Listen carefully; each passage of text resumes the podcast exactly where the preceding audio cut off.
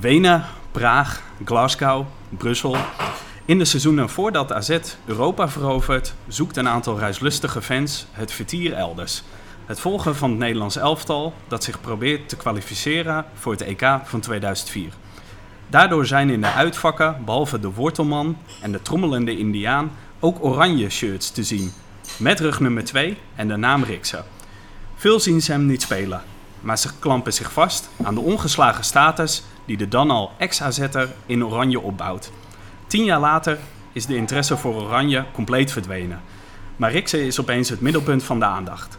Tijdens AZ Den Haag applaudisseert het volledige stadion een minuut lang voor hem. De bandsite ontvouwt een spandoek. Blijf vechten.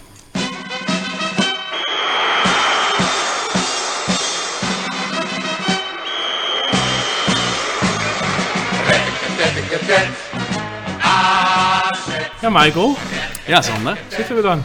Ja. Nou, we zijn maandagochtend dat ik niet in eh, Zwolle ben. Nee, ik ook niet eh, elke week. Ja, we zitten in een heel eh, gezellig, knus koffiebarretje. Ja, ja winkelcafé Engel. Er zijn hier wel geteld vier tafels. En we zijn hier met een reden en dat is Fernando Riksen. Ja, en dat heeft niet direct een link met Zwolle. Maar wat is wel de link? Eh, nou, ga ik zo vertellen. Eh, ik vroeg me eerst af, wat herinner jij je, zeg maar, voordat hij eh, bekend werd door zijn spierziekte, van Riksen in AZ-shirt? Mm, ik herinner me het shirt dat ik zelf nog steeds heb. Uit, ik denk, eh 97. Eh, toen was AZ net gedegradeerd. En eigenlijk begon Scheringa toen flink te investeren in AZ. Of nog meer te investeren.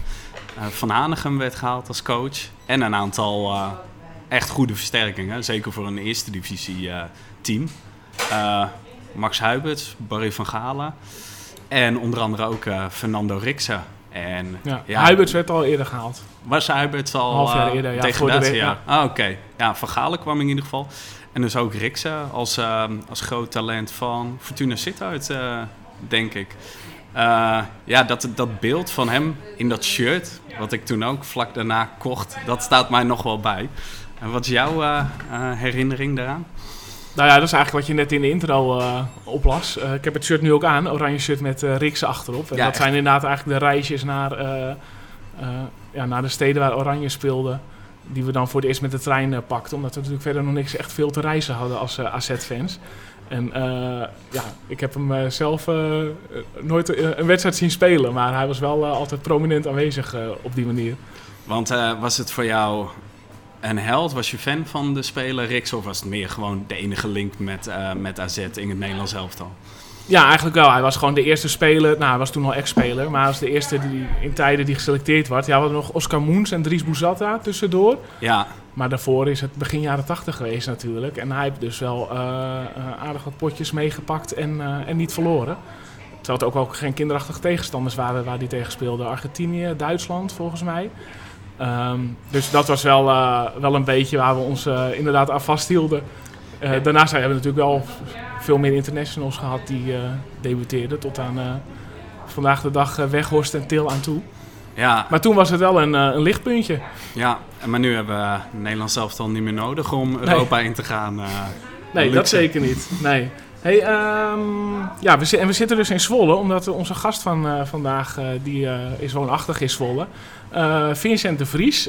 Vincent, ik ga jou even wat vragen stellen. En ik wil dat jij kort en eerlijk antwoordt. Nou, kom maar op. Wat is jouw mooiste prestatie als journalist? nou, ik denk toch het eh, boek waar we het nu over hebben, over Vechtlust. eh, het boek van Fernando Riksen. Die is gekozen tot sportboek van het jaar in 2013. En daar was ik wel heel erg trots op. Oké, welke eigenschap heeft jou het meest gebracht als journalist? Ik denk toch wel egoïstisch. Dat jij egoïstisch bent? Ja. Oké. Een journalist moet afstand bewaren tot zijn onderwerp. Ehm, ja, dat klopt als journalist. Maar als boekenschrijver moet je juist een goede klik hebben. Oké. Lieke Martens is de beste Limburgse voetballer aller tijden. Oeh, dat is heel moeilijk te zeggen. Jij zegt nu voetballer. Maar als we over voetbalster hebben, dan is het heel makkelijk. Maar voetballer, ja, dat is heel moeilijk te zeggen. Ehm, ja, ik zou heel snel zeggen Mark van Bommel. Die, natuurlijk, eh, maar als voetbalster is Lieke wel de beste. En voetballer en voetbalster. Ja, die combinatie, ja, oké, ja. Het ver- vergelijken is eh, heel lastig. Hè? Dat vindt iedereen al heel moeilijk. Hè? Da- Daar wordt de ja, discussie over van, eh, is man en vrouw, eh, moet je dat vergelijken, is dat hetzelfde? Maar ja, ik denk dat Mark van Bommel toch wel de beste is van Limburg. Wat is je favoriete voetbalclub? Oeh, ja, mag je dat zeggen hier of niet? Voor mij mag het. Ja, dat is Feyenoord. Oké, nou, prima. Nou, eh, ik denk niet dat Eenhoorn eh, naar Feyenoord komt. Nee, nee, nee. Ja, misschien, ja, misschien wel. dat- Nee, nee, ik denk het ook niet. Maar eh, ja, dat is dat ontstaan van vroeger. Ik had een shirtje van, eh, van ja, de shirtjes, zoals jij een shirt- shirtje had, had ik ook heel veel shirtjes. Het shirtje met gouden gids en Opel later. Ja, die heb ik ook jarenlang aangehad. En zo is het eigenlijk begonnen. Hoe vind je de muziek van Mental Tio? nou, ja, dat is een goede vraag. eh. nou, ik vind het vreselijk. AZ gaat overwinteren in Europa. Ehm, ja, dat denk ik wel. Dat denk ik wel. Als ze laten zien wat ze ook vorig jaar, of ja, in ieder geval ja, hoe, ze, hoe ze doen. Ja, het is heel knap met de jeugdopleiding. En eh, het ligt daar wel een beetje aan de loting. eh. als ze misschien tegen Glasgow Rangers kunnen spelen, ja, dan wordt misschien best wel lastig. Want de Glasgow Rangers is echt een goed team geworden hoor. Een goede coach, eh, Steven Gerrard. Ja, en, ja, maar goed, alles ligt aan de loting. Hoe vaak spreek je Fernando Riksen? Eh, elke dag. Eh, en spreken is dan misschien het verkeerde woord, maar ik, heb, ik app met hem eh, via de WhatsApp of via de mail. Want zoals je weet, hij kan niet meer praten. Maar hij heeft wel een spraakcomputer en dat gaat hartstikke goed. Je kan, hij gaat dan per, let, per seconde kan hij drie letters intikken met zijn ogen. En dat betekent nou, dat we gewoon kunnen appen, we kunnen e-mailen. Dus vrijwel elke dag. Zou je ook bevriend met hem zijn als je niet zijn biograaf was geweest? Ehm, moeilijke vraag. Dan was ik natuurlijk minder in contact met hem gekomen. Maar de vriendschap is ontstaan inderdaad door het boek. Ik ken hem al, al 15 jaar, al toen hij al bij Rangers speelde. Dus ik, ik ken hem al eh, heel lang. Maar de vriendschap is echt ontstaan pas bij het maken van het boek. Riksen heeft het optimale uit zijn carrière gehaald. Ja, dat denk ik wel. Eh, hij was niet de allerbeste voetballer. Wat je, wat je vroeg net van, eh, ja, dat dacht je zeker van dat ik misschien Riksen zou zeggen bij, eh, bij Limburg. Maar hij is natuurlijk niet, hij kan heel goed voetballen uiteraard. Hij kon uit de inzet, maar echt de allerbeste voetballer ja, was hij niet. Hij, hij moest het vooral hebben van zijn inzet. En als je dat vergelijkt met Van Bommel of misschien wel een, andere jongens zoals Ronald de Boer. Ja, dat is toch wel een ander, soort slag voetballer. Niettemin, eh ja, hij heeft overal gespeeld. eh, Oranje gespeeld. Je zei net al, eh, nooit verloren tegen teams van, eh, of het ploegen Duitsland, Argentinië, Spanje twee keer tegen gespeeld. Hij, heeft natuurlijk, hij is kampioen geworden, aanvoerder geweest van Rangers, de dubbel, treble gewonnen. In Rusland heeft hij alles gewonnen. Dus ja, ik denk dat hij heel trots is op zijn carrière. Was niet kort, maar ik, ik, Reken me goed. doe, ik reken hem goed. Ja, ja. Nou, Vincent, welkom. Ja, dankjewel. Fijn dat je bent. Ja. Nou, wat al uit de antwoorden bleek, biograaf van Riksen. Eh, maar momenteel ben jij, nou ja, toen ik probeerde af te spreken met jou, eh, hing het juist af van de prestaties van de dames op het Ja, eh, WK. klopt. Ja. Omdat jij net een boek over Lieke Martens hebt uitgebracht. Ja, nou, die is uitgebracht voor het WK, het, begin mei. Ja. Lieke die kwam aan, kijken, dat was net na het EK, toen hadden we contact met haar. Toen zei ze, kan je mijn boek gaan maken? Eerste instantie wel een beetje twijfel natuurlijk, van ja, ben je zo jong nog hè? En dan heb je daar een boek voor nodig. Maar goed, eh, ik ging met haar afspreken en toen bleek dat ze natuurlijk wel een mooi verhaal had. Ook omdat we het, eh, niet het geëikte sportboek gingen maken, zoals het boek met Fernando, waar alleen maar tekst in staat. Dus we hebben gekozen voor heel veel kleine stukjes, veel foto's erin. En, eh, maar ja, toen wist ze natuurlijk nog niet hoe, hoe groot ze zou worden. Ze had, ze had al wel bij Barcelona getekend op dat moment. Ja. Maar ze was nog niet speler van het jaar, speler van Europa, van, van de wereld. En ja, later ging het natuurlijk harder en harder. En het idee was dus om voor het WK met het boek te komen. En eh, we dachten, nou, misschien kwartfinale of zo, dacht ik. Ja. Kijk, de lieken misschien wel verder, maar eh, niemand had gedacht dat ze die finale zou halen. En inderdaad, toen, eh, toen jij mij belde, toen was net volgens mij de, de kwartfinale moest beginnen. En, dus ja, we gaan nu weer een extra hoofdstukje bij het boek van Lieke. Ja, dat doen. vroeg me af. Wat, wat hing er voor jou van af? Dat is gewoon dat je extra moet gaan schrijven. Ja, is ja, geen ja, ja. PPR-zaak of zo. Nee, nee, gewoon, nee, nee. Dus ja, want nu ook het boek van Lieke ligt nu twee maanden in de winkel. Tien weken inmiddels. Al tien weken lang ook al een bestseller. Dus echt ongelooflijk. Mensen Ja. het kopen toch. En eh, ja, maar nu eh, stopt het eigenlijk op het moment dat het WK nog moet, of WK nog moet beginnen. En ja, ik was ook geweest in Frankrijk om een beetje van binnenuit nog wat eh, te beschrijven. Dus eh, dat gaan we nog binnenkort doen. Hoe werkt dat zo? Want eh, jij bent nu benaderd door Lieke Martens Ja. om een biografie te schrijven. Je hebt meerdere biografieën geschreven. Ja. Word je altijd benaderd door de sporter of de artiest? Ja, ja dat, dat verschilt. Met Fernando, ik had Fernando zelf eh, eh, benaderd.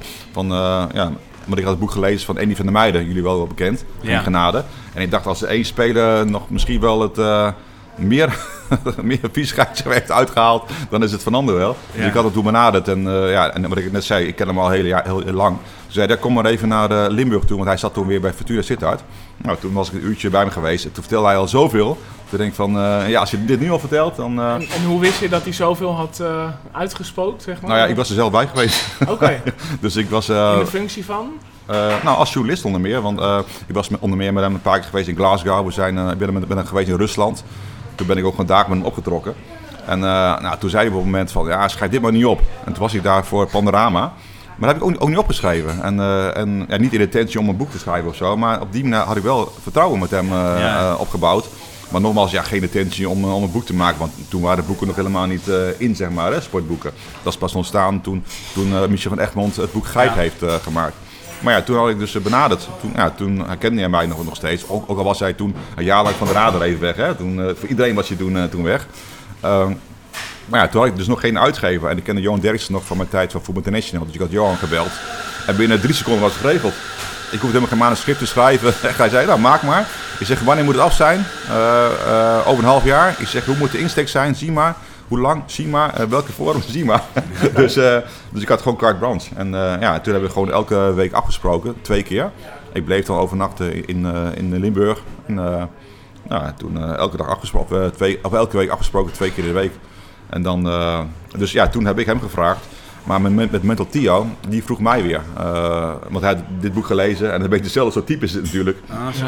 En, eh, maar ja, ik ben ook wel eens vaker benaderd, ook, door andere voetballers. Ehm, maar ja, vaak zeg ik toch gewoon nee, want ja, je moet wel echt een, echt een verhaal hebben. Hè? En, eh, ja, als het een heel saai verhaal is, ja, dan, dan, ja, sorry dat ik het zeg, maar ik ben wel een commerciële schrijver. En als je, eh, als je 300 boeken verkoopt, ja, dan Ik kan me het- voorstellen dat veel mensen ook misschien die zelfkennis niet hebben. Dat ze gewoon niet zo spannend zijn om over te lezen. Nou ja, maar denken ze wel. En, en ze denken allemaal dat ze de aantallen van René van der Gijp halen, hè? van eh, 300.000. Maar dat is ja. echt gewoon nou, absurd veel. Hè? Dat, is, dat is één keer gelukt. En met Kieft is het ook wel gelukt. Met, eh, maar niet die aantallen, maar wel 100.000 plus. Maar normaal gesproken eh, moet je blij zijn dat je 5 à 10.000 boeken Ja, want verkoopt. hè? Vechtlust is uitgekomen op welke... Nou, wel bijna 100.000. Dat ging wel heel hard. En, eh, en, eh, maar een, een gemiddeld boek, ja, ja, ik denk als je er 2.000, 3.000 haalt, is het veel. Ja, Ja, ja. ja. Ja, want ze zeggen ook van, eh ja, 95% van de schrijvers kunnen, kunnen niet leven van, van een boek. Alleen de echte, echte Ja. de Helene van Rooijens-achtige types, zeg maar. Michel van Egmond. Ja, die ook uiteraard. En, ja, ja, maar in principe, als je een boek schrijft, doe je het niet omdat je het eh, ja, voor het geld eh wilt doen, zeg maar. Nee. Hey, en eh, ja, vrij prangende vraag. Hoe is het nu met hem? Ja, nou, eh, ik was, van de week was ik weer bij hem, zoals ik elke maand naar hem toe ga. In Hij- Schotland. In Schotland, hij zit in een hospice. Zit hij eh, vlakbij eh, Glasgow, een half uurtje rijden van Glasgow. Ja, hij heeft het wel moeilijk nu hoor, momenteel. Eh, maar moet je nagaan, hij ligt in een bed. Hij kan helemaal niks meer. Het enige wat hij nog kan doen is zijn ogen knipperen. En daarmee kan hij dus die computer besturen. Maar voor de rest, hij is nagenoeg verlamd eigenlijk, kan je het zeggen. Hij kan Ja. niks meer bewegen. Hij ligt in een bed, eh, zijn armen liggen onder een deken, die hij niet kan bewegen. Eh, hij kan niks. Dus elke dag is gewoon hetzelfde. Hè? Dus als je wakker wordt, ja, dan, ja, dan ziet hij weer die, diezelfde soort muren, dezelfde vier muren. En hij kan niks plannen, omdat eh, ja, er is niks meer te plannen. Eh, twee weken geleden hadden we nog wel zo'n avond, zo'n meet-and-greet avond, wat we me- meestal deden. Maar dat wordt ook voor hem te lastig, te zwaar. Het geeft hem heel veel kracht, zegt hij, maar het kost hem zoveel kracht om te herstellen. Soms Ja. wel twee, drie weken lang. En dat is hem niet waard om, eh, om, ja, om dat, dat te doen, zeg maar. Dus momenteel ja, is hij uit de publieke, of ja, uit de openbaarheid is hij, eh, getreden. Ja, ik zie af en toe nog wel eens wat films voorbij komen. Voordat hij die dames eh, op het WK succes wenst. Ja, ja, dat, dat is dat een van de laatste eh, keren. Maar het wordt nu steeds moeizamer. En ja, moet je nagaan. Ja, als je alleen nog maar met zijn ogen kan knipperen. Dus dat, Ja. en verder, Want hoe, hoe werkt dat in de praktijk, die spraakcomputer? Hè? Want ik zie dan die filmpjes dat hij inderdaad alleen met zijn ogen beweegt. Ja. Eh, hoe zorgt hij ervoor dan dat eh, de letters in de goede volgorde... nou, dat is heel mooi. Eh, nou, als het ware zijn, zijn eh, eh, ehm, monitor is zijn toetsenbord, zeg maar. Dus dan gaat hij met zijn ogen knipperen. Als je op de A komt, dan, ja, dan, dan, dan wacht je daar één seconde. En dan komt A in beeld.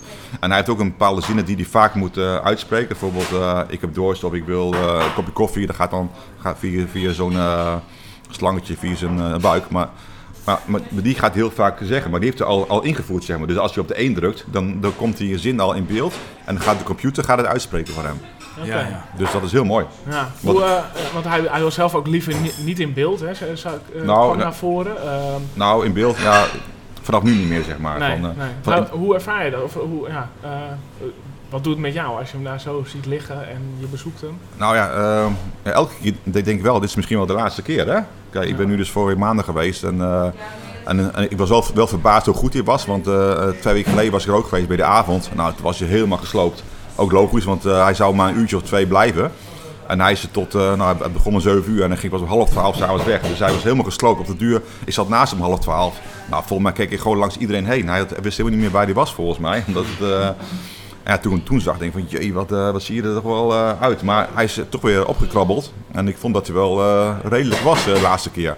Maar ja, hij heeft elke dag zijn goede dagen, zijn slechte dagen. En toen had hij misschien toevallig net een goede dag. Maar hij weet zeker de volgende dag, dan heeft hij vast weer een slechte dag. Ja, en we hebben het nu over zijn fysiek, maar hoe is het geestelijk met hem? Heeft hij er nog zin in op deze ja, Dat wel, dat is ongelooflijk. Dat, uh, maar dat is ook het uh, erge van ALS eigenlijk. Hè? Van je lichaam is helemaal kapot, maar mentaal ben je nog, en ook uh, ja, in je hoofd ben je nog helemaal goed. Hè? Ja, alles herinner je nog en je kan nog gewoon normaal praten, althans praten via de spraakcomputer. Dat is het erge, dat je, dat je weet dat je niet meer kan. Hè?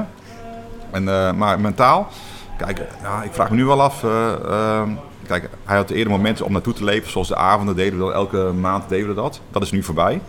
Ja, nu heeft hij in feite niks meer om naartoe te leven. Ja. En ik kan me voorstellen dat het mentaal wel uh, iets gaat doen met je. Zit hij al in een soort, uh, ja, ik weet niet hoe ik moet zeggen precies, een uh, afscheidsfase? Nee, nee, tegendeel, helemaal niet. Van, van, hij houdt steeds vast aan Stephen Hawking, de, de Britse wetenschapper.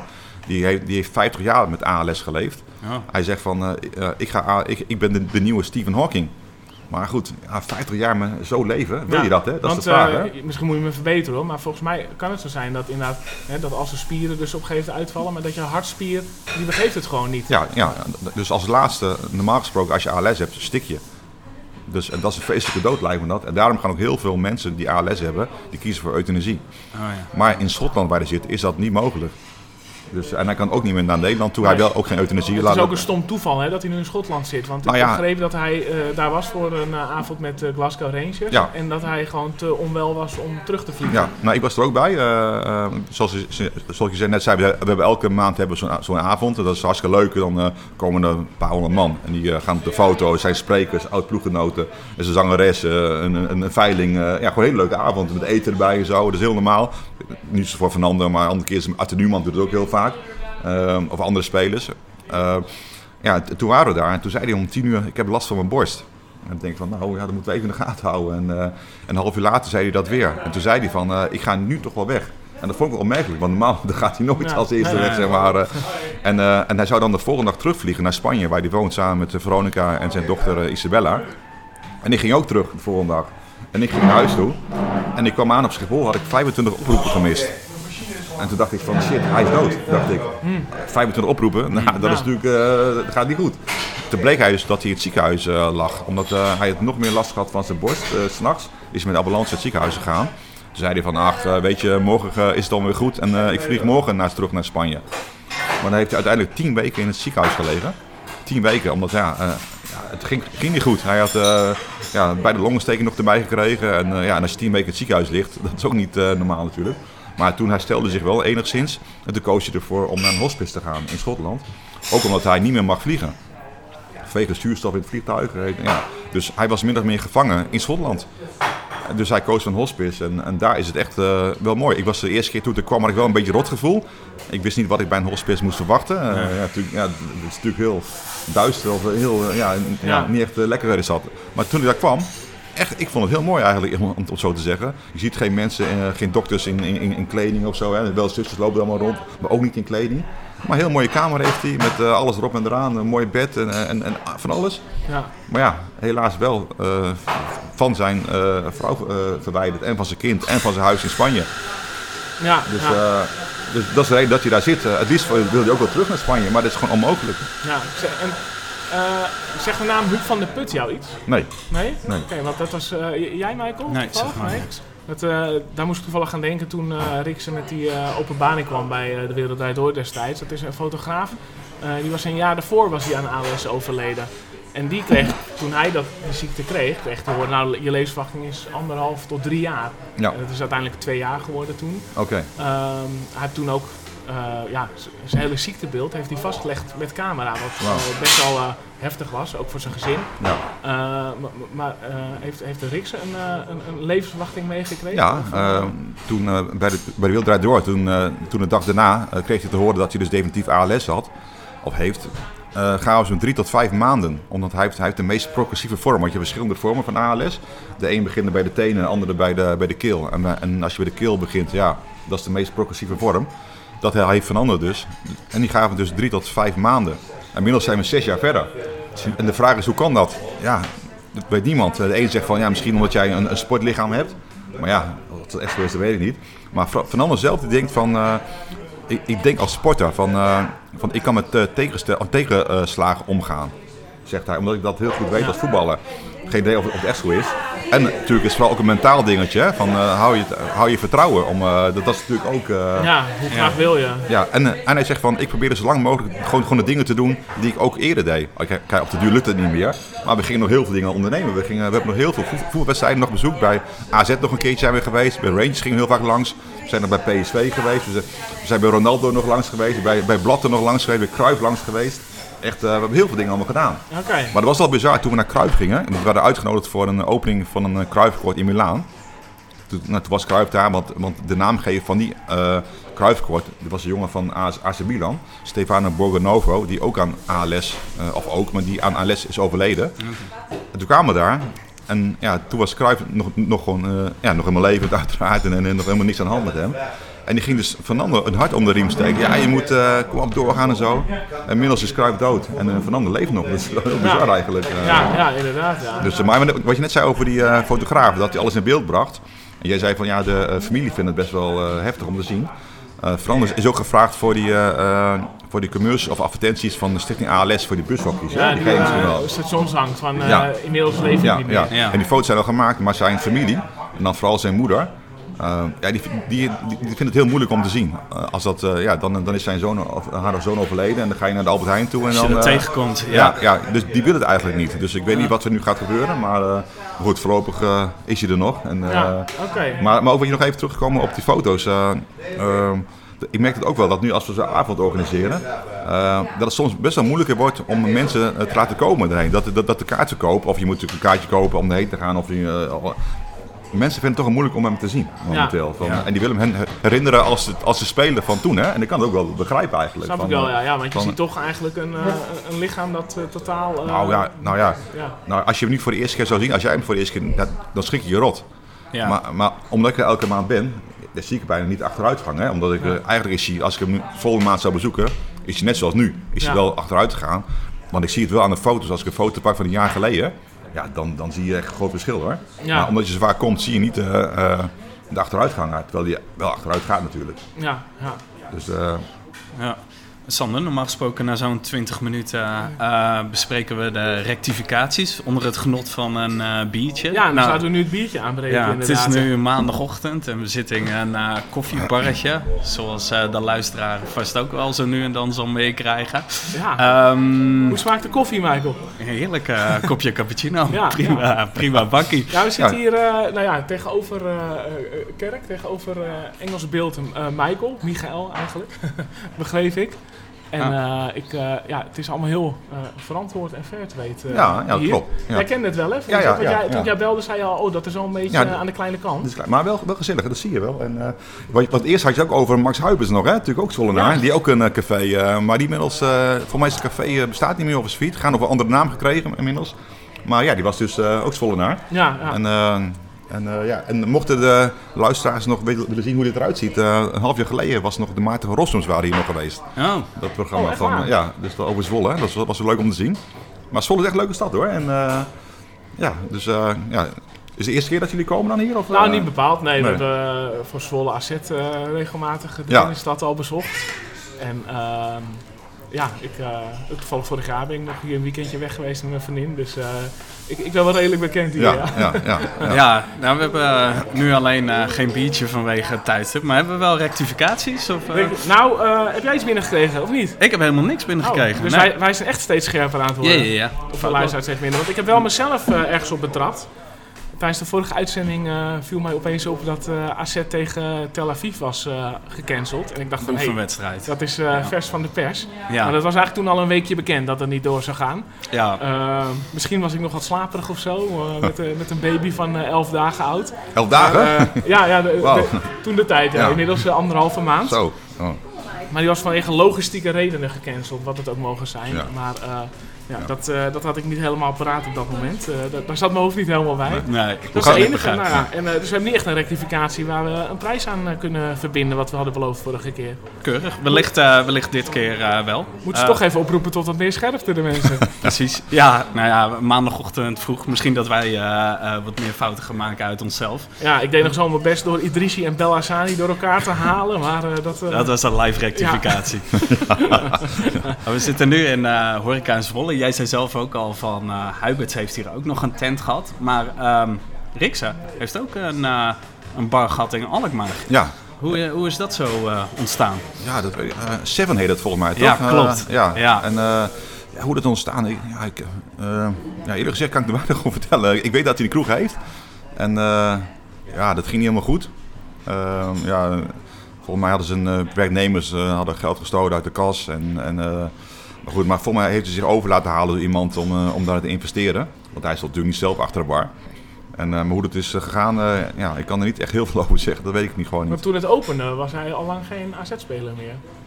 Ehm, ja, ik, ja, ik kan er weinig over zeggen. Ik, ik weet het niet Nee. precies hoe dat allemaal zat. En, ik ben er ook nooit geweest, dus ik, ik weet dat het bestaat. En ook dat hij daar ja, toch wel wat problemen heeft gehad. Ook voor mijn vechtpartijen begreep, begreep ik of zo. Maar, maar eh, nee, ik kan er weinig over Ja, zeggen. maar dat Ja. zat op de plek waar de bierkelder... eh van Ja, de het, bierkelder, hè? op de Platstenen brug. Volgens mij was het inderdaad de plek inderdaad als een kelder. Eh AZ'ers kennen het waarschijnlijk wel als eh, de bierkelder.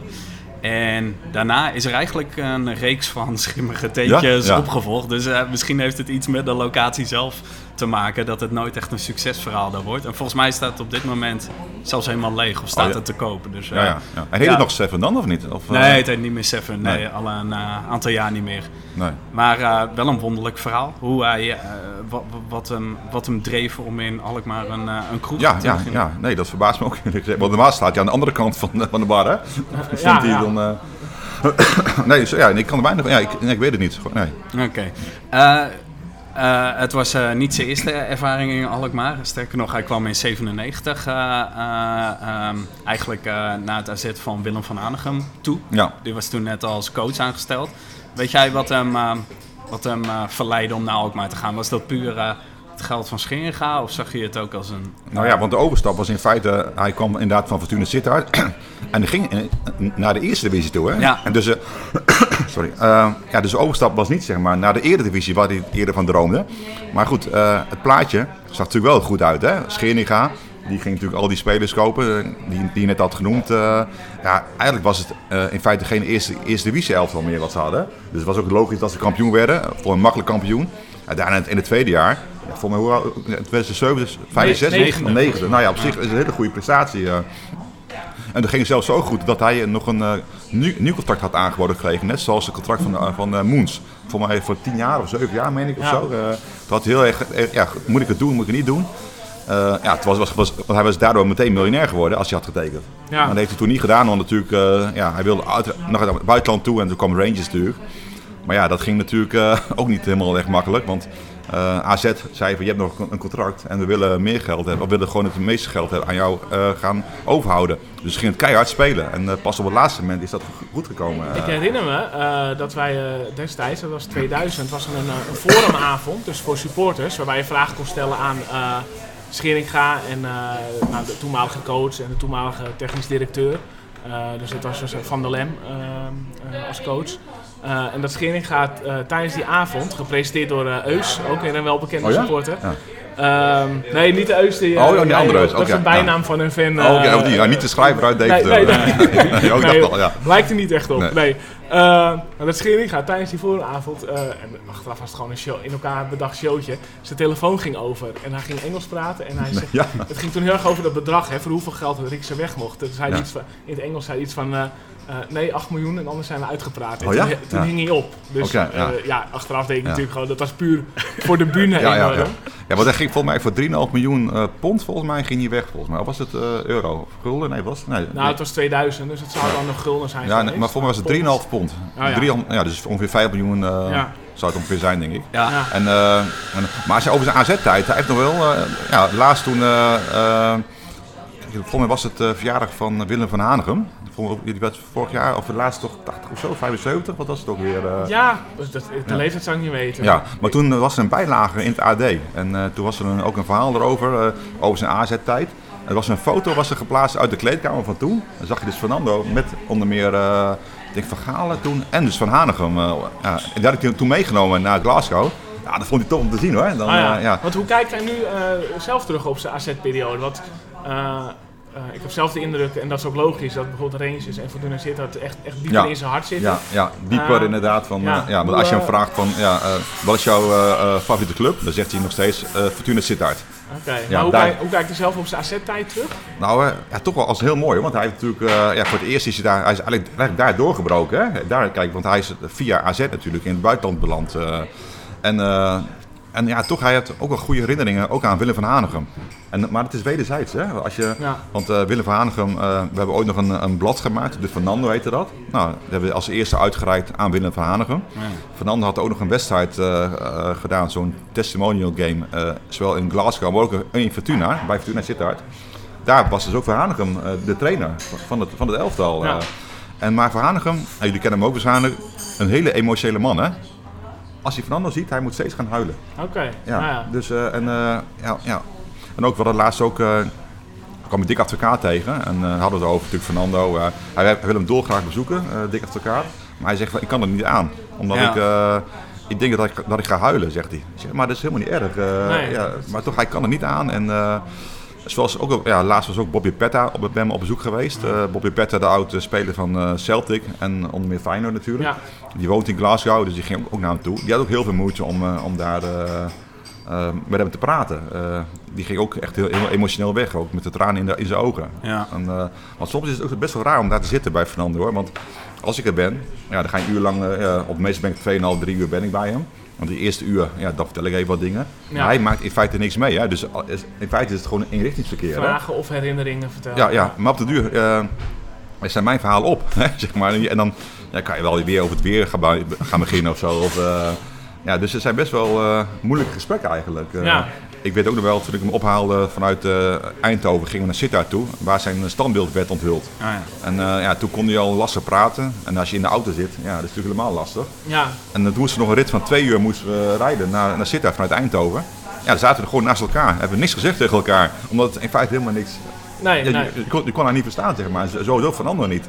Dus het was best wel gek is dat. Uh, maar goed, dan kijkt hij me aan, dan geeft hij een knikje. Of uh, als hij bij ben, ja, dan gaan we misschien voetbal kijken of zo. En dan zeggen we niks tegen elkaar. Ja. Of we zeggen even hey. Of, uh, ja. ja. Maar, vind je dat vervelend? Of nee, nee, helemaal niet. Nou, nou, nou, nee. Maar hij vindt het ook gewoon mooi dat er iemand is, hè. Van, want zoveel mensen komen er niet langs. dat, dat is wel, weet je, je vertelde dat je als, als journalist, jij bent freelancer hè, voor nou, onder andere Helder zei je voor uh, Nieuwe Revue? Ja, voor Panorama, Revue, uh, uh, ja, voor heel veel bladen. Ja, en, dus je bent, voor, voor de goede orde, je bent niet in dienst van Voetbal Nee, wat ik, nee.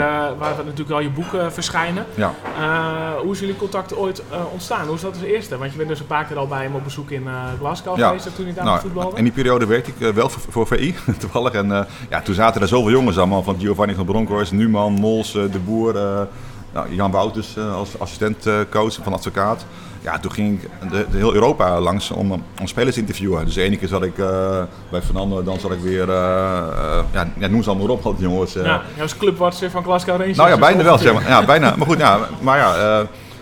en toen zaten we echt, echt nog de grote jongens zaten allemaal daar. En ze waren nog vrij benaderbaar allemaal. Dus, dus ja, dus ik ging één keer per jaar had ik een interview met Fernando, zeg maar. Maar dat ging, maar dat ging gewoon ja, zoals je normaal ook met een voetballer hebt, zeg maar. Dus, dus niet... Uh, en wat was de eerste keer dat je hem uh, ja, dat was, ontmoette? Ja, dat was denk ik... Uh, volgens mij 2000, 2001 ongeveer in die periode. Okay, maar, zat, maar ja. van die eerste ontmoeting kan ik me weinig herinneren ja. eigenlijk. En wat was je indruk van hem toen je aan zijn biografie schreef? schreef? ja, iedereen heeft toch wel een beetje dat hele stoere jongens. Hè? Dat is hij ook wel. Maar hij heeft ook wel een klein hartje hoor. Van, ja. van, uh, en wat opviel, deze keer kwam hij altijd op tijd. Want hij was natuurlijk een jongen die... ja. zelf ook meegemaakt. toen moest ik ook een keer tegen Celtic mijn wedstrijd geweest. Ja, toen kwam de volgende dag gewoon niet, op, niet opdagen. Want hij had, had toen verloren een wedstrijd ervoor. Dus ik dacht van, nou, best een moeilijke jongen is het. Ja, maar toen bij, bij Sittard toen wat ik zei, ik, eh, we gingen, ik heb misschien eh, 20, 30 keer met hem afgesproken. En elke keer keurig op tijd. Dus dat was wel weer een. eh, maar het was het leven ook wel anders. Hè? Ja. Ja. toen een, een, een gezinnetje waar die. eh, Nou, ik moet eerlijk zeggen, to- toen ik jouw boek had gelezen en ik eh, sloeg hem dicht, ja, en na afloop had ik eigenlijk gewoon niet zo'n hoge pet van hem op. Van eh, het karakter Riksen en... eh, arrogante jongen eh, waarschijnlijk. Je? arrogante jongen. ja, het is arrogant, maar ook, ja, nou ja, het draaide vooral om Riksen Ja, zelf ja, in de wereld van Riksen. En hij was ook niet echt heel empathisch naar andere mensen. Nee, nee wat, ik, zei- wat ik zei, toen ik ook bij hem kwam, kwam hij ook niet opdagen. Nee, Dat- dus dat is, en, althans, een van de eerste keren zeg maar, toen ik Glasgow. Maar ja, ja, maar zo is hij, denk ik. Zo is, is hij, eh, Ja. Maar zo zie je wel Het meer lijkt er misschien. wel op, maar eh, wat me dan opviel, want nu, nu, is natuurlijk heel erg bezig met, met die benefietavonden, of ben je mee bezig Ja. geweest. En eh, dat voelt mij wel paradoxaal. Ik denk van aan de ene kant is het iemand die nou ja, ook zijn geld gewoon enorm over de balk gooit. Ja, ja. En dan nu gaat hij wel met de pet rond. En laat, ik- laat ik Ja. vooropstellen, als je de keuze hebt om het wel te doen of niet te doen, is alleen maar om te prijzen dat hij het wel doet. Hè, dat hij er aandacht voor vraagt. Maar eh, het voelt wel een beetje Ja, dubbel. nee, nee, klopt. Ja. Maar die vraag krijg ik wel vaker van, eh, van eh, ja, is het zijn eigen schuld? Want hij natuurlijk geld zat, had hij, en heeft hij natuurlijk allemaal over de balk gegooid, zeg maar. en, ja. Maar hij vindt het ook wel leuk nu wel. ja, misschien is Maar hoe kijk jij er tegenaan? Of, denk, je dat hij heel erg bijvoorbeeld veranderd is of inzicht heeft gekregen? Of dat zijn karakter daadwerkelijk Nou, is veranderd door wat hij nu heeft meegemaakt? nou, ik, ik denk dat het al eerder, eerder is ontstaan. Toen hij zeg maar, met zijn huidige vrouw Veronica en, en met zijn kindje, toen is hij meer de, de, ja, de, ja, hoe zeg je dat, de, ja, ja, fa- fa- familieman geworden, zeg maar. eh, Ja. van, eh, van, en eh, ja, toen was hij echt heel egoïstisch eerder ook. Van, van alles draaide om Fernando. het enige wat telt is Fernando, zeg maar. Ja. En dat is nu wel veranderd hoor. En sowieso met die ziekte, ja, hij heeft nu ook geen keuze meer natuurlijk. dus, dus jij zegt het komt niet meteen door Nee, de nee, ziekte, daarvoor maar al, daarvoor al. kinderen Ja, ja, ja, ja, ja. Ik denk dat daar wel eens een soort kentering is ontstaan. Ook omdat eh Veronica heeft hem ook echt wel geholpen hoor.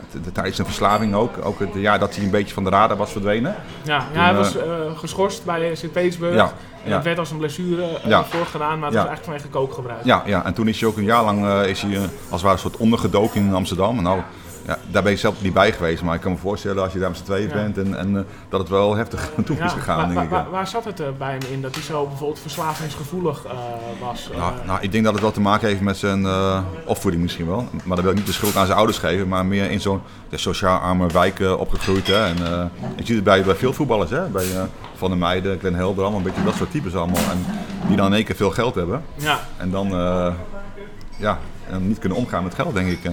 Ja, is dat eh, overschatting of misschien ook eh, ergens gebrek aan zelfvertrouwen? Bijvoorbeeld, ik hoorde ook wel theorieën in Glasgow dat hij soms twijfelde over eh, zijn eigen kwaliteiten. Of hij misschien wel goed genoeg was voor dat niveau. Nou, Zou dat er ook Nou, aan bij nee, kunnen Maar dragen? dat verhaal heb ik nooit gehoord. Want hij is wel redelijk overtuigd van zichzelf. En, eh, en, eh, maar, ook, maar hij stond wel altijd. Hè? Want ook, eh, hij ging natuurlijk heel veel uit, eh, veel drank. Maar hij stond wel, elke wedstrijd stond hij daar. Kijk, je wordt dan niet voor niks aanvoerder. Hè? Van, want Glasgow Rangers dat is een groot, grote club, joh. Echt niet normaal. Er komen Ja. er gewoon eh, Ah, zeker toen. ja, 50.000 mensen nog steeds. Ja. En, en eh, je kan wel zeggen, ah, Schotse competitie en zo. Maar Rangers is echt groot, hoor. En, eh, dus als je daar aanvoerder bent, ja, dan moet je echt wel wat kunnen, hoor. En ook Ja. oranje halen. Kijk, ja, dat, ja, soms zeg je, als je één wedstrijd goed speelt, dan haal je al oranje. Maar in die periode moet je echt wel wat kunnen, hoor. Nee, ja. En, eh, en eh, nee, dus van twijfel heb ik nooit eh, met hem.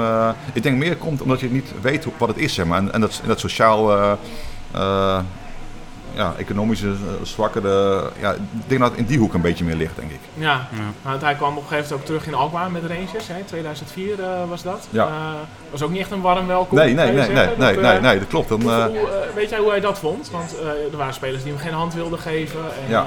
ja. ja, het leek er niet op dat hij vrienden had nee, gemaakt. nee, nee, want eh José Rodriguez, volgens mij, dat, was- dat staat ook in zijn boek. Ja, die, eh, Had was je geschreven, ja. Dat, Ja. dat ging ook over, als we mot over een vrouw, hè? Ja, ik ja, over de vrouw. En volgens mij eh, ja, werd het wel een paar keer flink op de training. Werd ook wel eh, zijn flink. eh, maar, en, eh, ja, maar waarom hij toen zeg maar eh, zo werd eh, ontvangen. Ja. Maar volgens mij vindt het ook wel lekker hoor. Want hij had ook. eh, hij- dat, zal hij toch wel weten, denk ik. ja, ja, ja, maar ik denk dat het een beetje altijd om hem heen zit. Want hij moest toen ook. eh, hij ging toen van Rangers naar, naar Zenit Sint-Petersburg toe. En toen was er ook een wedstrijd. eh, ook een oefenwedstrijd. eh, Glasgow Rangers tegen Sint-Petersburg. Dus met Fernando eh, tegen Rangers. Toen werd je ook uitgefloten. Ja. En, Maar je zegt het zit om hem heen. Dat, Ja. dat vind ik iets te makkelijk. Het zit ook in zijn karakter, denk ik. ja, natuurlijk. natuurlijk want dat, dat, dat gebeurt niet. Kijk, als één keer is het misschien toeval, maar twee keer niet. Nee. Maar ja, zo is hij. Ja, Maar dan had hij een idee waarom het kwam. Dat hij in Alkmaar gewoon ja, niet echt eh, lekker had gemaakt in de nee, spelersgroep. nee, nee, Zijn er momenten, hè, want je zei net, hij vond wel een mooie tijd bij AZ. Zijn er mo- momenten die, hem heel, die jij heel erg herinnert eh, van toen? Ja, het Eh, kampioenschap, zo, ja, wedstrijden of, kampioenschap sowieso. Hè, dat, eh, Ja. dat, eh, maar echte wedstrijden kan- kan ik niet echt eh, voor, voor de geest halen. Wat wel mooi was, want we zijn toen nog wel, ik denk het was drie jaar geleden, zijn we terug geweest bij AZ. Ehm, Ja. was te- volgens mij Vier en tegen... een half jaar geleden, want Ja. het was januari Ja, ja, het was, 2015. was heel koud. Een hele koude dag. Ja, heel koud. Ja, ja. ja. had, had hij zijn muts op. En toen zou hij dus eh, nou, eh, over het veld lopen. Dat was eh, in de rust. Maar dat duurde zo lang. Hè. Toen hebben ze volgens mij nog de wedstrijd... eh, iets, ja, volgens mij was het een, een rust van, van 20 minuten of zo. Ja, toen kwam je ook alweer te laat. Nee, Ja, nee, maar toen, daarna gingen we nog naar het supporterzoom zijn we nog gaan, achter de goal daar. Ja, ja, en, ja. Maar toen was het zo druk daar en toen zouden we nog een keer later terugkomen, maar volgens mij is daar niks meer van gekomen, zeg maar. Maar toen was er wel een goede ontvangst. Dus, Ja. Maar, maar dan kun je ook zeggen van, ja, komt het door de ziekte of niet? Want later is ook, eh, Fernando is eh, eh, in de Wall of Fame gekomen in Rangers. En toen vroegen mensen zich daar ook af van, ja, hoezo? Is, heeft dat te maken met zijn ziekte of met zijn eh, spel? Nou, ik denk dat je daar wel een goed punt aansnijdt. Want ik heb zelf ook wel een beetje dat eh, gevoel. Ja, misschien geen populaire mening die ik nu geef. Maar ik vind wel dat. eh eh, hè, dan redeneer ik even vanuit eh AZ-perspectief. Kijk, hij heeft natuurlijk maar drie seizoenen bij AZ gespeeld. Ja. Eh, toen hij weg was, eh, nou, er waren nauwelijks eh, mensen die eh, hem zich herinnerden. Nee, Weet. Je, als, je, als je zes jaar geleden had gevraagd eh, welke spelers uit die periode. Ja, hij was een bo- bovenmatige speler voor het AZ van toen. Hij heeft natuurlijk Oranje gehaald. Maar niemand had het er echt heel Nee, specifiek nee, nog nee. over. Oh, Riksen was zo fantastisch. Totdat, eh, totdat hij bij Matthijs zat. En eh, ja, dat was natuurlijk aangrijpend. Eh, ik vond die minuut stilte, of nee, de minuut applaudisseren met AZ Den Haag. Ja, dat was ook gewoon echt, echt een indrukwekkend moment. Maar daarna, hij wordt nu wel bewierookt. Ja, ja, terwijl ik echt denk van, door mensen die eerst veel minder met hem bezig waren. Dus alsof ze een beetje de, zijn ellende omarmen. Of, eh, Nou ja, dat- klopt. toch wel als een soort krokodillentraan. Nou ja, klopt. Nou, wat ik ook net zei eh, aan het begin van het gesprek, eh, ja, toen bij de Wereld Door, eh, ja, toen, toen zat hij daar en toen praatte hij al heel raar in de eerste minuut. Ja, toen, toen zag ik op Twitter van, eh je klootzak, je bent eh, helemaal niks en eh, zie je wel alcohol. Maar toen dus Matthijs van Nieuwkerk aan hem had gevraagd van, waarom praat je zo raar? En toen had hij uitgelegd dat hij ALS had. Toen draaide in één keer alles om. Toen werd je in één keer gezien als de held inderdaad. Ja. Van, kijk eens hoe knap het allemaal is en zo. En, eh, dus als je dat niet had gezegd, nou ja, dan was het helemaal iets anders eh, gelopen denk ik hoor. Ja, Ja. ja. klopt. Maar ik, ja, ik zie het ook wel vaker bij, eh, ja, bij voetbalfans, weet je. Zo'n, zoals bij FC Utrecht, die Di Tommaso, die toen overleed. Ja, Ja, ja, vreselijk. ja. En, en, eh, hartstikke goed dat ze dingen voor zijn gezin doen. Maar hij heeft maar twee jaar daar gespeeld. Ja, en niemand vond hem eh, Nee, een nee. bovenmatige speler. Nee. Ja, weet je, het is geen Theo Bos. Bij Theo Bos snap ik het. Dat Ja, is echt een ja. kind van de club. Ja. En eh, dat was al een icoon. Maar Ja. Rix is eh, in Alkmaar nooit een icoon geweest.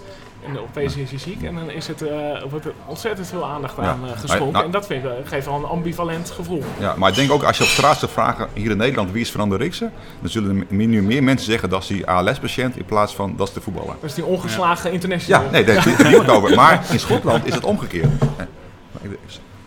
En daar is, het, daar is het omgekeerd. Daar is het wel de voetballer eh, Fernando Riksen. Want zijn populariteit nu in Schotland, is dat puur gebaseerd, even afgezien van de ziekte, Ja. op eh, wat hij op het veld heeft laten zien? Of is het ook een mentaliteit die gewoon eh, sneller bij voetbalsupporters in goede aarde ja, valt? ja. Ik weet zeker, als je niet ziek was geweest, dan was je ook nog steeds heel populair Ja, geweest. Je ziet ook aan Michael Mols, die gaat ook nog, denk ik, ook elke maand erheen. Eh, en dan kom je daar, ik ben ook heel vaak met Michael mee geweest, dan eh wordt hij benaderd door jongens. Hey, doelpunt eh, tegen Motherwell. Nou, dan weet Michael niet eens meer welke, welke het is, maar dat weten zij nog. precies, en met Fernandes hetzelfde ook. ook. Ook als we op de airport aankomen, eerder dan. Ja, er stonden gewoon paparazzi te wachten. Ik vind ongelooflijk. Ik, ja, ik weet niet eens hoe ze daar komen, zeg maar. Dat ze weten dat, dat we daar komen. Dat, Ja, dat is, maar goed, en ook, ja, ik weet nog één keer ook, dat was een half jaar, nee, een jaar geleden gingen we ook naar Rangers toe. Toen kwamen we daar, nou, toen kwamen we in een taxi aan eh, en toen zagen ze dus dat Fernando erin zat, in de rolstoel. Of ja, in, ja, in de rolstoel was dat. Toen moesten we eigenlijk met, met politiebegeleiding, met paarden voor ons, eh, moesten naar het stadion toe. Echt omdat het, eh, het zo, zo eh, populair daar. eh, en, eh, ja, dus dat vind ik wel mooi om te zien daar eh, bij, eh, bij Rangers, dat ze, hoe ze met de helden omgaan. Ja. En eh, ja, Wat ik ook wel mooi vind is uh, hoe het supporters verbindt. Want uh, toen in die periode waar we het net over hadden, dat hij een ereronde liep uh, in het AZ-stadion. En op een gegeven moment dat het spandoek werd onthuld tegen Den Haag. Dat spandoek, dat was volgens mij door Fortuna supporters uh, gemaakt. Klopt. Ja. Dat wordt dan eigenlijk naar Alkmaar gebracht. En vervolgens door AZ supporters wordt het omhoog gehouden. Uh, dus het geeft ook wel. Ja, en, maar volgens mij was het hier al. Hè? We hadden, hebben de harde kernen van AZ en Fortuna Sittard uh, hadden al een soort band. Ja, die staan wel op goede voet met elkaar. Ja, ja nou, die spreken af om gezamenlijk tegen weer een andere oh, ja? ploeg te knokken. Maar uh, dat terzijde. Maar inderdaad, die, die warme oh, banden zijn er al. En, dat, ja, ja. ja. ja, dat bedoelen ze, ja. Ja. ja. Maar inderdaad, was het zo koud. Want toen gingen we eerst nog van tevoren gingen we nog eten boven. Dus ook met onder meer uh, Van der Weert was er ook bij. Oh. Die, uh, die kwam er ook kijken. En uh, Landzaat nog, die kwam nog even langs. Ja. Die kent hij natuurlijk ook nog van die tijd. En Van der Weert ook nog bij Fortuna gespeeld toen. Ja. Die zijn samen naar AZ gegaan. Of in ieder geval diezelfde periode. Ja, we hadden toen best wel veel van Fortuna ja. Ja. Ja. Ja. dus we. En Scheriga kwam er langs. En toen hadden we later ook nog een documentaire gemaakt. misschien kan je die nog herinneren. Die is bij RTL 7 uitgezonden. Toen waren we in Limburg. Daar kwamen we ook Scheriga tegen, heel toevallig in het hotel. Die was daar ook op bezoek. Ja, heel toevallig. nee, maar echt serieus. Dat zie je toch ja, nee. Maar toen hebben we nog gepraat met... Nou, toen moest Scheringa, die hebben we ook voor de camera neergezet. Maar die, die liep toen weg tijdens het gesprek. Want hij komt niet meer aan. Ja, tranen, echt uh, ja. zo emotioneel werd hij over Fernando. Toen is hij gewoon voor de camera weggelopen. Hij kon niet meer praten. Oh, okay. dus dat, uh, Hoe is die band tussen Rix en Scheringa? Want Scheringa heeft hem best wel lang uh, tegengehouden. Uh, tenminste, hij wilde hem behouden ja. in Alkmaar. Ja, maar was voor AZ natuurlijk. Ja, hij wilde natuurlijk zoveel mogelijk geld ja, voor AZ maar dat kan ook uh, Riks op een gegeven moment hebben gefrustreerd. Nou ja, op de duur zat hij, ja, hij, hij, hij, hij, had het nog niet gedaan, maar op de duur wil hij wel een rechtszaak aanspannen hoor. Ja. Van als het, ja, zoals je wel vaker ziet bij spelers, hè. Of die gaan gewoon weigeren te voetballen. Maar dat punt hebben we nooit hoeven, of hij nooit hoeven, ja, want op de duur was het was het rond, zeg maar. En, uh, maar Scheringa heeft altijd wel een goede band. Want de laatste keer dat we dus tegenkwamen, we hebben nog met, met hem gegeten nog. Zijn vrouw kwam Oh. ook nog bij. En, uh, en, uh, dus, maar, maar misschien is, gaat, slijt het ook na tien jaar, hè? Je weet, je Ja. weet het niet. want Ja. in die tien jaar heb- hebben ze ook nooit gesproken of zo daarna, hoor. Heel toevallig kwamen we toen tegen. Als hij dan daar niet was geweest, dan had hij Scheringa niet meer gezien, zeg maar. Dat. Dus dat... en, maar je merkt wel, ja, AZ... Ja, wat, wat je net zei, Fortuna. Hij is wel meer een Fortuna-man dan een AZ-man. Dat, Ja. eh, dat, is, eh, Dat is ook logisch, ja. En dat is ook, eh, ook duidelijk, ja. ja. Oké, eh, Michael. Heb, heb je alles, eh heeft Vincent al gesteld wat je wilde weten? Uh, ja, ik, ik was wel benieuwd naar de details rond, uh, rond die kroeg, hoe dat uh, precies is Ja, nee, gegaan. maar die kan je jammer nee, genoeg nee, niet nee, dat weet ik echt niet. Als ik had, ja, ja, ik weet wel dat dat problemen waren, maar en ook, eh, ook, ook, ook, ook belastingtechnisch en zo, maar, hoe en wat, nee, dat, eh, nee, daar kan ik je helaas niks over vertellen. Ja, ik ben, ja, we hebben nu toch een voetbaljournalist uh, uh, aan tafel. Dus ik ben ook wel benieuwd. Uh, hoe denk je dat AZ het komend seizoen gaat doen? Ja, ja nieuwe trainer, ja, weer over Zwolle, hè? Arne Slot is natuurlijk uh, Ja, ja. Zwollenaar, of stond eigenlijk heel lang bij Zwolle gespeeld. Hij woont er in de buurt, of woonde, ik weet niet of hij nog steeds hier woont, of woont, ja, Dat durf ik niet te Nee, zeggen. nee. Maar Arne Slot, ja, dit is wel. eh Kijk, in eerste instantie dacht ik van, hé, hey, waarom gaat hij al zo vroeg, eh, wordt hij aangesteld, hè? Hij was toen assistent van, eh, van, van, van de Brom en eh, ja, hij heeft het ook hier goed gedaan bij, ja, in Zwolle. Dus eh, ja, het is een gewaagde stap, maar ja, ik denk dat ze bij AZ heel goed over hebben nagedacht en, ja, en hoe, hoe het gaat. Ja, Kijk, ik, ik zie natuurlijk van een afstandje en ik, begrijp dat jullie een hele goede jeugdopleiding hebben met Til en, en noem ze allemaal op. En, ja, ik hoop dat, het- dat het wel goed gaat. hè. Vind ik, zou het tof vinden dat we een keer- ja, misschien weer AZ kampioen. Ja, is natuurlijk, natuurlijk wat waar iedereen van jullie over droomt. Maar eh, ja, het zal wel een keer mooi dat zijn. gebeuren? Ja, ja, waarom niet? Want eh, een paar jaar geleden was het ook eh, overkomen. Hè? Ja, ja, maar een paar jaar geleden was het natuurlijk wel, ehm, nou ja, ook niet helemaal fair, maar eh, er zat wel wat meer geld achter. Nog steeds minder dan de top 3, maar wel, eh, er zat wel geld achter de selectie en we hadden Louis. En Ja, nu, nu moet je het nog meer op eigen kracht doen. eh, en. Ajax en PSV zijn in de tussentijd verder weggelopen van AZ. Dat, Ja, eh, PSV, ik weet niet of PSV verder is weggelopen van AZ. Nee, dat vraag ik me af. Want als je de uitslagen bekijkt, ik kan ze niet te snel voor de geest halen. Maar als jullie tegen de grote jongens spelen, eh, Nou, dat is jarenlang eh, zeer droevig gegaan.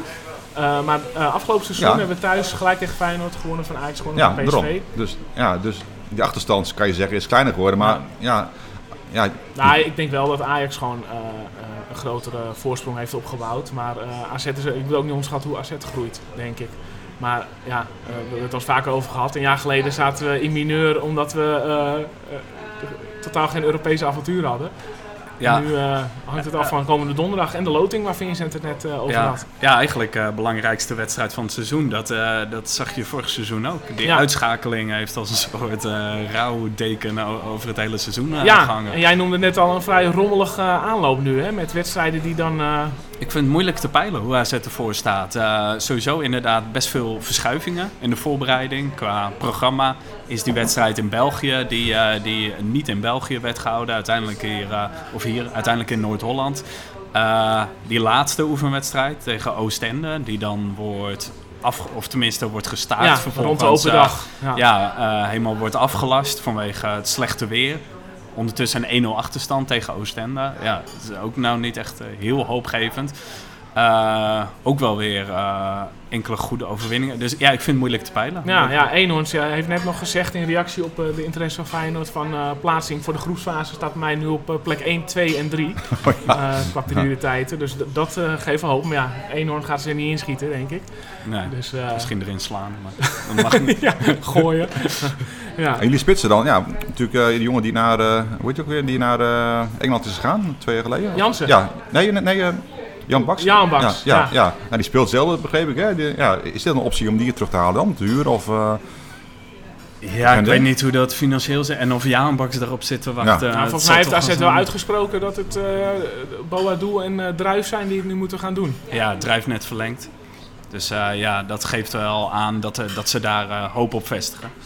Eh, ja, vorig jaar rond deze tijd, toen met die bewuste wedstrijd in Kazachstan, toen miste je gewoon een goede spits. ja. Dus ik hoop dat zij het eh, kunnen opvangen. Ja, ja oké. Ja, want we, zijn nu al een beetje aan het voorspellen, hè Michael? Dus jij bent een heel mooi bruggetje aan het leggen naar, eh, naar onze pool.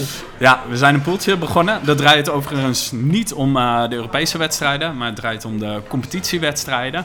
Ehm, we willen er eigenlijk met zoveel mogelijk man eh, aan meedoen. Ik heb me al ingeschreven. Heb jij al ingeschreven, Sander? Eh, dat ga ik zo meteen doen. Maar we hebben nog tot uh, AZ Fortuna Sittard. Om meteen weer een Oh, mooie is een link hele, naar ja, eh, goede wedstrijd. Fernando. eh, dus dat tot de eerste wedstrijd. Ja. AZ Fortuna kan je inschrijven.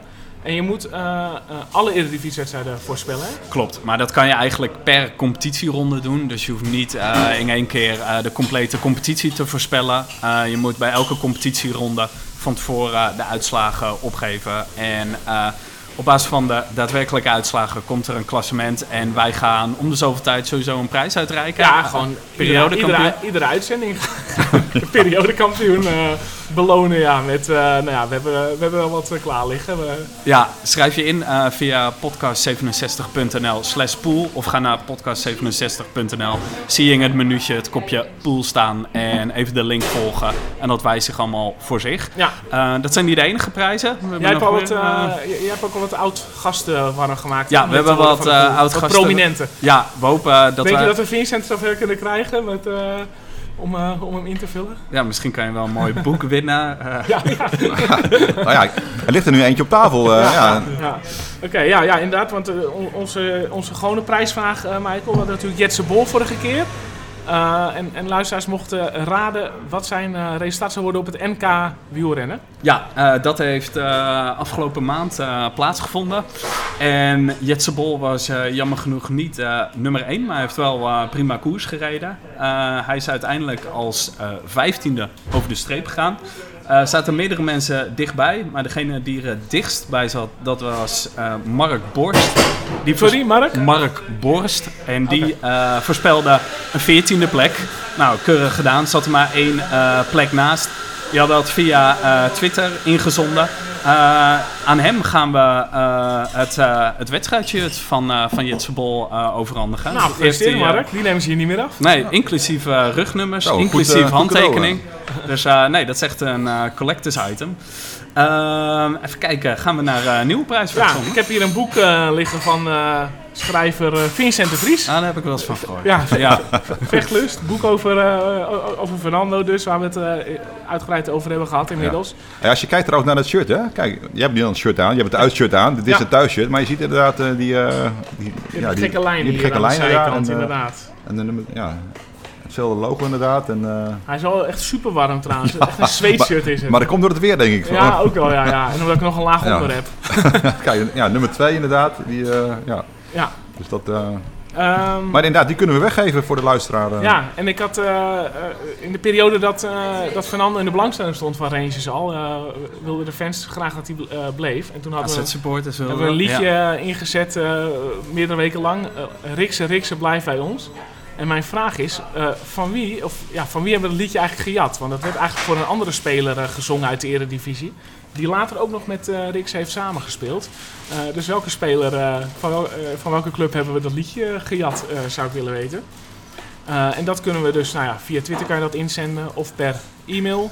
Ja, per e-mail info.podcast67.nl of via de website zie je ook een kopje prijsvraag in het menu. Ehm, even kijken. Ja, volgens mij zijn we bijna. Ja, we hadden nog, eh, je had nog een, eh, een mailtje liggen, zei je, van eh, Wim Wassenaar. Ja, inderdaad. We vragen vaak om, om feedback van de luisteraars. Het liefst mooie recensies in, in je favoriete podcast-app. Maar we krijgen soms ook gewoon ongevraagd commentaar. En daar zijn we blij mee. Wim Wassenaar, die heeft ons gemaild met wat, met wat tips. Ehm, goedemorgen, ik heb deze week jullie nieuwste podcast gehoord. En naast goede punten zitten volgens mij ook wat dingen in die ik anders zou willen zien. Ehm, dus er komen wat puntjes waar we misschien aan moeten Nou, kom, werken. kom maar op Wim. Ehm, het is wel heel erg veel het verre verleden en wie zich het meest kan herinneren. En er zijn er ook gasten waar jullie heel lang mee praten over zijn vak en activiteiten, zoals deze keer die wielrenner. Maar zijn persoonlijke carrière speelt zich af bij het wielrennen en niet in hoofdzaak bij AZ. Verder zou ik veel liever horen over het huidige AZ. Wat er nu speelt, hoe jullie een ander inschatten. Verhalen over een Europa Cup uitwedstrijd in Vronki zijn leuk. Maar waar staan we nu? Succes ermee, verder en graag niet te veel zijstraten. Wim Wassenaar, verstuurd vanaf mijn iPad. Oké, nou dan gaan we dan, eh, Michael. Eh, goed, Eh, middenveld, ruit naar achter, ja. naar voren. Ja, ja, kijk, wat hij zegt, kan, kijk, je, je kan natuurlijk eh, één keer terugblikken. Ik denk, als je dat tabel zou doen, bijvoorbeeld één keer terugblikken, één keer over het huidige, dan heb je natuurlijk een mooie balans, vind je dan, hè? Ja, ja, ja, maar we hebben wel eh, ja, onze insteek, eh, of eigenlijk het format is inderdaad wel dat we graag naar de randzaken kijken. Ook omdat we gewoon, eerlijk gezegd, gewoon niet heel veel verstand hebben over voetbal. En er al in mijn ogen heel veel gepraat wordt over voetbal. En we hebben meer verstand van eh, wat we hebben zelf hebben gezien en meegemaakt en ervaren. Ja, en dat, wij zijn vorig jaar begonnen met de podcast. En eigenlijk was onze eh, eerste conclusie eh, over ons eigen plan van nou, wat we niet willen is het over voetbal hebben. Ja. Simpelweg omdat we daar eh, geen Nou, verstand van Ik hebben. moet, ik moet ook denken aan het eh, interview met, eh, met mijn eh, lieftallige plaatsgenoot Erwin Walbeek. Die mij eh, voor het Supports Magazine had geïnterviewd. En ik had hem ook verteld van, nou ja, onze insteek is gewoon om het ja, zo min mogelijk over het voetbal inhoudelijke te hebben. En eh, dat had, heeft, heeft hij ook opgeschreven. En eh, de eerstvolgende uitzending eh, noemde ik iets over dat, we, dat ik graag Timo Letchert eh, als eh, aanwinst had gezien bij AZ. En een dag later hing Erwin al aan de lijn van... Ja, wat maak je me nou? Ik schrijf op dat je het niet over voetbal hebben... en eh, je gaat meteen over een nieuwe centrale verdediger hebben. Het was Dus, in feite een rectificatie eigenlijk. ja, ja van, van zijn verhaal, ja. Maar inderdaad, ja dus sorry Erwin en, en- sorry ook Wim. Maar inderdaad, als je over, over 4-3 gaat hebben, et cetera, dan, ja, ja, willen mensen dat dan horen? Dat is de vraag. Hè? Willen ze niet gewoon lekker leuke verhalen horen Ja. van... eh, Nou, in ieder geval Wim wil dat horen. En eh, er is ook zeker wel publiek voor. Maar eh, ja, ik, eh, ik doe het ook voor mijn eigen lol. Dus ik vind eigenlijk de, de, ja, de echte verhalen vind ik zelf boeiender. Ja, en tuurlijk, we gaan het nog wel over voetbal hebben, bijvoorbeeld met onze volgende gasten. Maar eh, ja, we nodigen ze uit met een bepaalde aanleiding. En vaak ligt dat net buiten de opstelling om, of inderdaad eh, de ruit op het middenveld. Dat is in dat geval niet zo relevant. Eh, wie zijn eigenlijk onze volgende gasten? Weten we Ja, dat ik ga er niet heel, al, al te veel verklappen. Er is eentje staat, staat wel bekend onder de bijnaam eh, Anti-Opdam. Oh, Dus ja, dat doet wel een belletje rinkelen. ja, ja oké. Verder, verder eh, eh, verklappen we niet te veel. Eh, moeten we even ja, onze sponsoren bedanken. Eh Tubs. Tubs Pizza Bakkerij. Ja, Vandaag geen pizza voor ons, Michael. nee, eh, volgend keertje weer. Eh, ik denk eh, dat we dan gewoon in onze eigen studio zitten Ja, in ja. Alkmaar. En eh, natuurlijk winkel Café eh, Engel, hartelijk dank voor de nou, heerlijke koffie uit de Dominicaanse Republiek, las ik net. Ah, dat meen ik al te proeven. Nee, super fijn ontvangen. We zitten hier heerlijk. Dus een aanrader, mocht je in de buurt van Zwolle zijn, doe een lekker bakje koffie hier. Eh, even kijken, verder willen we eh, nog eh, de noodzaak bedanken. De nood- en speciaalzaak uit Oudorp. Want die hebben voor jou nog een bedankje, Oké. Vincent. Oh, leuk. voor leuk. de tijd die je voor ons hebt vrijgemaakt. Een Zo, dat, ziet er goed uit. Dankjewel. Eigenlijk met goed uit Alkmaar zit Ja. een Alkmaar Skashing, zit een lokaal biertje in. Oh, lekker. Volgens mij van brouwerij De Die uit Alkmaar. Dus eh, eh, geniet ervan. Yes. En eh, ja, dank voor je, voor je tijd. Ja, hartstikke, ik vond het hartstikke leuk, eh, heren. Oh ja, nog even één ding over Fernando misschien. Ik kreeg laatst al een paar keer een, eh, ook eh, appjes en mailtjes. eh, ja, of iemand iets kan opsturen, bijvoorbeeld. Hè? Een kaart Oh. of zo naar eh, Fernando. Dat vind ik hartstikke leuk. Dus misschien als AZ-fans eh, denken van, ik vind het leuk om iets op te sturen. Ehm, je kan het richten aan eh natuurlijk Fernando Riksen. Ja. Ehm, Sint, eh, eh, Sint Andrews Hospice in Airdrie. En als je dat intikt of opschrijft, dan, dan komt het aan. Dus dat zou hij hartstikke le- leuk vinden. Een kaartje of een, of een tekening of noem maar, maar op. Ehm, ja, de exacte adres kan je uiteraard vinden op, ehm, op, eh, ja, op Google. Op, eh, ja, ehm, maar St. Andrews Hospice in Airdrie. Ehm, Prima, wij, eh, nou, we zorgen dat het adres ook even op onze Twitter komt of eh, in de website. Ja, in de show notes. Show notes. Ja, dat zou hij hartstikke leuk vinden. Ja, hij heeft inmiddels ook, eh, Mark van Bommel had laatst wat gestuurd. eh, fans van uh, Fortuna Sittard heel regelmatig. Zelfs Celtic fans hebben wat dingen gestuurd. Er hangt zelfs een eh, grote foto of een plaat van eh, Celtic op de kamer. Ja? Dus, eh, ja dus, eh, en sjaaltjes zingen er heel veel. Maar ja, maar allemaal sjaaltjes van allemaal clubs, maar nog niet AZ. Dus eh, misschien kan Ah, iemand een nou, luisteraar iets opsturen. Dat Ja. zou hij leuk vinden. Ga- gaan we eventjes eh, zorgen dat dat eh, ook onder de aandacht komt. Ja. En eh, ja, dan eh, donderdag spelen. Hoe, hoe ziet de eerstvolgende wedstrijddag uit? Ja, dan vraag ik altijd aan de gast Vincent. Maar ik denk niet dat jij een speciale voorbereiding hebt voor AZ tegen BK Hekken. Nee, nee, nee. nee. nee. ik zeg, eh, nee, ik Hoe kan ziet donderdagavond er voor je uit? Weet je dat al? Of moet je dan even diep in je geheugen graven? Ja, nee, nee, nee. Ja, die kan er niks over zeggen. Ja, Nee. ik kan wel een, een uitslag gaan noemen, maar dat is een beetje... Kijk je dit soort wedstrijden wel voor de tv? Want ik Nee. kan me voorstellen als niet-AZ-supporter Nee, zijn. nee, nee, sorry. Nee, eh, ik kijk uiteraard wel veel voetbal. Eh, Champions League vind ik top om te kijken, Barcelona en zo, maar eh, ik kijk niet alles, zeg maar. Dus eh, nee, Tegen je moet Feyenoord? Ja, die zit pas... eh, ja, geen idee. Ja, volgens mij, eh, ja, wanneer, wanneer gaat hij een keertje in, eh, ik denk de derde ronde of zo? ja, dat wordt natuurlijk eh, een ander moment, ja. Ja, dus, eh, en natuurlijk Pax Volle hebben we hier nog, hè. Dat, eh, Ja, ja, ja. Maar eh, ja, dat wordt heel moeizaam, denk ik. Vorig jaar al heel lastig gehad. Ja, tweede seizoen zelf. Ja. het helemaal in. Ja, toen eh, Van het Schip eh, werd ontslagen, toen...